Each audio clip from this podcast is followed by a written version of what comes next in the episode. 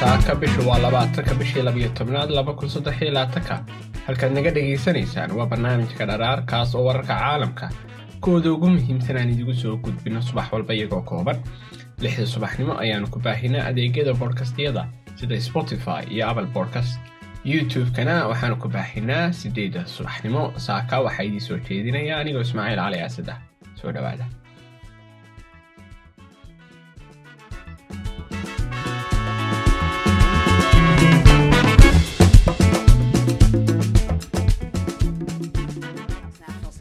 madaxweynaha ukrain valadimir zelenski ayaa kalsooni ka muujiyey maraykanka iyo dalalka kale reer galbeedku ay sii wadi doonaan taageerada ukrain ee dagaalka ay kaga hortegayaan duulaanka ruushka isagoo ka hadlayay shir jaraa'ida uu qabtay maalintii salaasada ayaa waxa uu sheegay zelenski muhiimadda ay leedahay kaalmada maaliyadeed. Iyo doorka ay ka ciyaarayso difaacidda ukrain wuxuu kaloo sheegay in ukrain waddo abaabulidda shan boqol oo kun oo qof oo dheeraad ah si ay uga hortagto duulaanka ruushka. Aad ayaan uga shaqaynaynaa arrintan. Waxaan hubaa in maraykanku aanu na khiyaamaynin. Wixii aanu ku heshiinay maraykanka si buuxda ayaa loo fulin doonaa. Sidaas waxaa yidhi zelenski ciwaankan ayaa ka soo beegmay iyadoo taageerada ukrain ee dalalka reer galbeedku ay soo food saartay cadaadis weyn iyadoo muxaafidiinta maraykanka ay shaki ku muujiyeen kaalmada joogtada ah iyo joojinta xirmo gargaar oo la taaban karo in hore loo socdo ka hor dhammaadka sanadka. Zelenski oo horey uga digay in dib u dhacyadan oo kale ay faa'iido u leeyihiin madaxweynaha ruushka ee putin ayaa sheegay in guusha trump ee doorashada laba kun afar iyo labaatanka ay saameyn aad u xoogan ku yeelan karto habka dagaalka haddii uu raaco siyaasad ku wajahan ukrain oo qabow.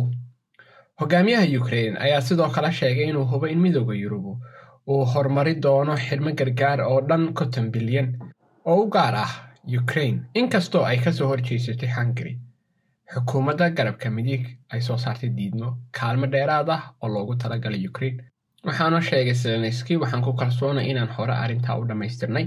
Zelenski ayaa saa sheegay. Si kastaba ahaatee taageerada ukrain ayaa noqotay arrin lagu kala qaybiyo dalalka reer galbeedka kadib markii weerar rogaal celis ah oo la sugayay xagaagii ay ku guuldaraysteen inay dib u soo ceshtaan dhul la taaban karo dagaalkuna uu sii socdaa weli. Duulaanka ruushka oo lagu eedeeyey inay ka mid yihiin dembiye dagaal ayaa burburiyey magaalooyinka ukrain malaayiin qof ayaa ku barakacay waxaana ku dhintay ugu yaraan toban kun oo rayid ah sida ay sheegtay qaramada midoobay.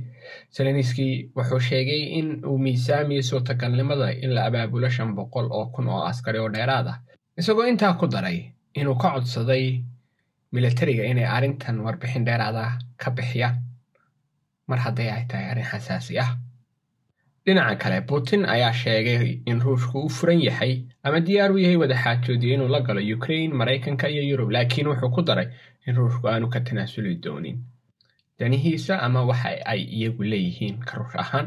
Waxaanu raaciyey hadalka in ruushku aanu ka tegi doonin hadafkiisa howlgalka militari ee gaarka ah ee uu ka hayo ukrain gudaheeda saaka intaas ayuu inoogu eegyahay barnaamijkeenu. Maalin fiican oo qurux badan ayaan dhammaantiin idiin rajaynaynaa